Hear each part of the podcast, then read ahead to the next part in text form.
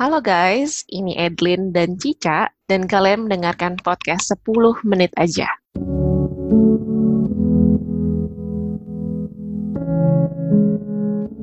So, kali ini gue sama Cica pengen membahas tentang sekolah di luar negeri. Well, gue sama Cica sih sebenarnya lumayan beruntung juga, karena kita pernah berikan kesempatan untuk experience study overseas gitu. Tapi semakin kita ketemu banyak orang yang berbeda latar belakang pendidikannya, misalnya ada teman-teman yang sekolah atau kuliah di dalam negeri, kita merasa kalau basically sekolah di luar negeri is not the only solution untuk segala permasalahan yang mungkin apa ya, yang mungkin kita pikirkan gitu. Gimana, Cak? Nah, iya, Delin, bener banget. Sebenarnya itu nggak ada yang salah atau nggak ada yang benar. Apakah seseorang anak itu harus sekolah di luar negeri atau enggak gitu. Karena semuanya itu memiliki sisi positifnya dan sisi negatifnya eh, masing-masing. Uh, dan balik lagi, nanti bakal kembali ke anak itu sendiri gitu. Karena toh kalau misalnya kita lihat sekarang itu bukan berarti kalau sekolah di luar negeri itu prestasi atau pekerjaannya itu lebih baik kan. Jadi maksudnya kita nggak yes. bisa judge dari dari sisi itu aja gitu. Jadi dan mungkin makanya di episode kali ini kita akan lebih bahas apa sih sisi positif dan sisi negatifnya dari sekolah di luar negeri itu sendiri. Lin, pertanyaan pertama, untuk sekolah di luar negeri, menurut Edlin sisi positifnya itu apa ya? Kalau untuk pengalaman gue sendiri ya, kalau positifnya adalah pertama it opens our minds gitu, karena kita melihat dari perspektif yang berbeda. Uh, yang paling gue kaget pada saat gue di kuliah itu hari pertama dikasih tahu tentang cara research dan untuk nggak plagiat. Di situ kita ditekenin kalau misalnya plagiat is a big no-no. Oke, okay, kayaknya gue dulu bikin tugas banyak banget kopas dari kopas dari Google atau gimana gitu kan. Tapi di yeah. sini bener-bener yang kayak oh is apparently a crime gitu mm -hmm. di luar mm-hmm. sana gitu. Menurut gue cara pola pikir kita itu pasti berbeda dan pasti bertambah gitu sebenarnya kalau di hmm. kalau gue lihat juga atau ngobrol sama teman-teman yang mungkin kuliah di Indo, mereka juga sebenarnya emang diajarin tentang plagiarism ini, tapi mungkin nggak se eh, nggak uh, tahu sih seberapa intens gitu kalau right. di Indo. Kayaknya di luar negeri tuh menekankan banget kalau copyright itu penting ya, Lin ya. Hmm.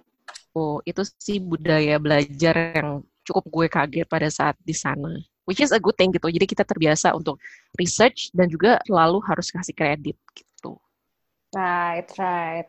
Benar, dan mungkin kalau dari sisi uh, gue pribadi, Adeline dulu yang gue belajar sebenarnya waktu, uh, kuliah, itu hmm. ada satu uh, matrix di kuliah, tapi beberapa universitas di Indonesia juga udah menekankan ini ya, yaitu nilai keaktifan. Jadi, actually kita hmm. tuh kayak diminta untuk kasih pertanyaan, lead a discussion mm-hmm. dan itu membuat suatu kebiasaan yang um, actually bagus juga gitu karena kita jadi lebih berani untuk speak up dan kadang-kadang di luar negeri itu kan maksudnya kita mau nanya temen juga ada keterbatasan bahasa terus yeah. kita juga mungkin completely trust itu belum bisa gitu. Jadi kita lebih mengandalkan diri sendiri gitu. Makanya kenapa waktu itu my parents itu send me untuk belajar di luar itu supaya uh, supaya gue bisa belajar lebih mandiri oke okay, nih uh, jawabannya nggak selalu ada di depan kamu. Kamu harus cari dulu. Kadang-kadang nggak semuanya itu silver lining dan nggak semuanya bisa di spoon feeding gitu. Jadi lebih lebih apa ya? Lebih mengasah untuk kayak oke okay, kita harus mikir nih ini gimana gitu. Jadi mungkin itu sesuatu yang gue dapetin juga sih Delin selama sekolah di luar negeri gitu. Kayak mandiri sih menurut gue itu udah bener-bener yang uh pokoknya take away dari sekolah di luar negeri itu adalah mandiri. Yeah. Kalau seandainya lo pulang-pulang ke Indo dan lo nggak mandiri, itu mungkin tanda tanya sih, lo di sana ngapain aja? Karena kan kalau yes. bisa tinggal di sana, lo nyuci baju sendiri, right. uh, siapin mm. makan sendiri, abis itu jalan ke kampus sendiri. Well, everything you have to do it by yourself gitu. Right. Waktu di um, sana, lo ikut kayak perkumpulan atau komunitas gitu nggak sih, Cak, pas di uni? Gue uh, ikut sih, dan gue lumayan uh, mencoba supaya ada kegiatan lain di luar kampus. Jadi waktu itu ikut beberapa organisasi, tapi organisasinya nggak sama orang Indonesia doang gitu. Bahkan waktu okay. itu gue kayak uh, sesuatu yang gue nggak pernah lupa sih, gue ikut kayak drama gereja lokal okay. di sana. Oh wow, Cica drama. Kalau Edlin okay. gimana Edlin? Uh, gue ikut satu organisasi itu PPIA ya mungkin setiap hmm. negara kan pasti ada hmm. dan satu hal yang gue berasa adalah ketika kita itu berada di luar negeri gue menjadi lebih nasionalis gitu loh, Cak. Hmm. Gak tau sih ini uh, cuman gue doang atau mungkin teman-teman yang lain juga bisa ngerasain Wow. kenapa jadi lo lebih rindu tanah air, kampung halaman, apalagi ya kalau misalnya lo dengerin lagu Indonesia Raya atau Tanah Airku di luar negeri, gue somehow bisa nangis gitu loh, Cak. Karena kayak, Oke. oh sedih. gue sih kayaknya cuma kangen makanan sih. Oke, oke. kayak gitu. Gak tau sih, menurut gue itu lebih bisa nasionalis juga gitu. Right, right, right. Tapi emang bener sih kadang-kadang kalau misalnya jauh ya baru berasa kangennya gitu.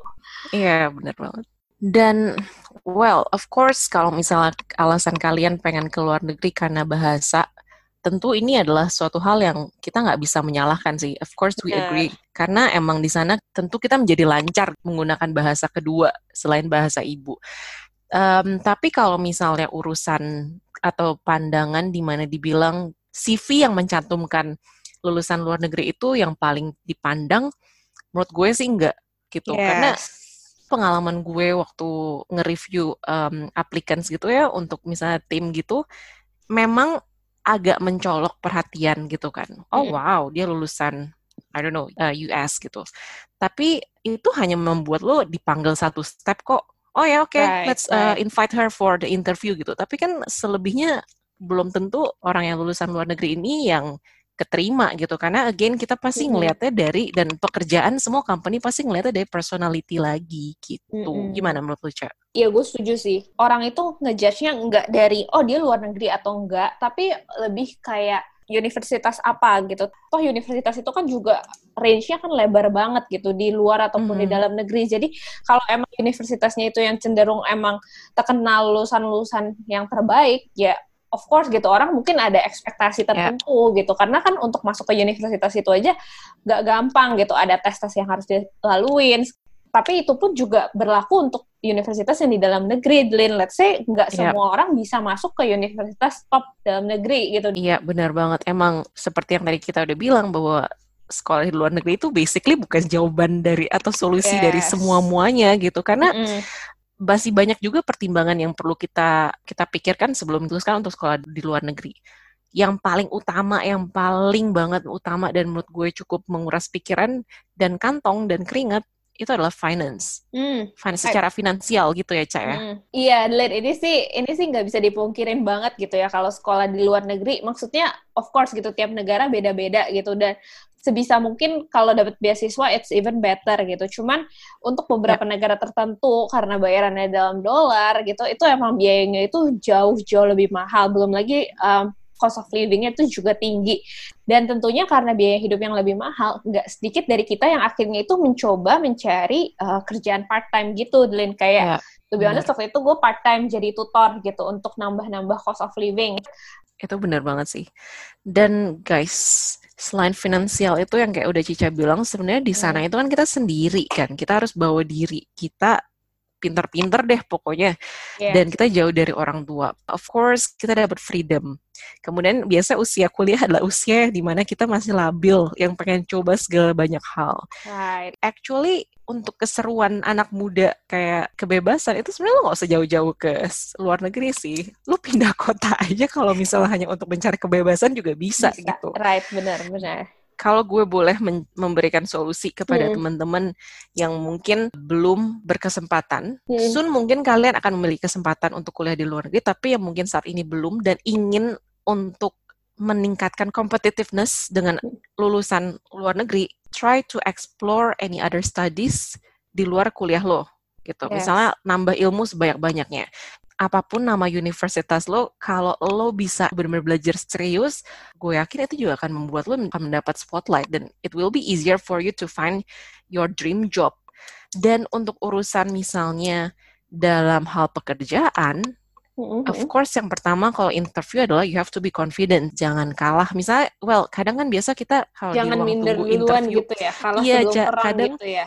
ya iya, kadang kan kita di Heeh. interview nu- di ruang nunggu nanya, oh lu lulusan mana gitu kan. Terus, iya gue lulusan UCLA misalnya. Lo lulusan mana? Gue lulusan Gajah Mada misalnya. Well, please jangan minder. Itu Hmm. berarti suatu petunjuk buat lu untuk oke, I have to step up my game. Berarti untuk interview, berarti gue harus lebih confidence dan gue harus benar-benar nunjukin the best version of myself gitu. Iya benar banget dan on the other side kalau misalnya kita lulusan sekolah luar negeri juga jangan sombong gitu di atas langit yeah. masih selalu ada langit. Bener so banget. I think balik lagi Adeline ya whether itu di dalam negeri atau di luar negeri kita selalu bisa memaksimalkan pengalaman kita saat yeah. Yang gue setting yang gue admire banget dari sekolah dalam negeri adalah network mereka sih. Jadi networknya itu tuh menurut gue bagus banget gitu. Mereka masih keep reuni setelah berapa tahun ketemu gitu sih, Lin. Agree. Mm -hmm. Well, um, kayaknya kita harus stop sampai di sini deh, Cak. iya, Karena udah waktunya udah 10 menit. Uh -uh. Oke, okay, guys. Semoga Again, kita selalu berharap episode yang kita bawakan selalu berguna atau menambah sesuatu lah setidaknya buat teman-teman semuanya. Well, kalau gitu, oh, gue Edlin. Gue Cica. Sampai ketemu di episode berikutnya. Dadah! Bye.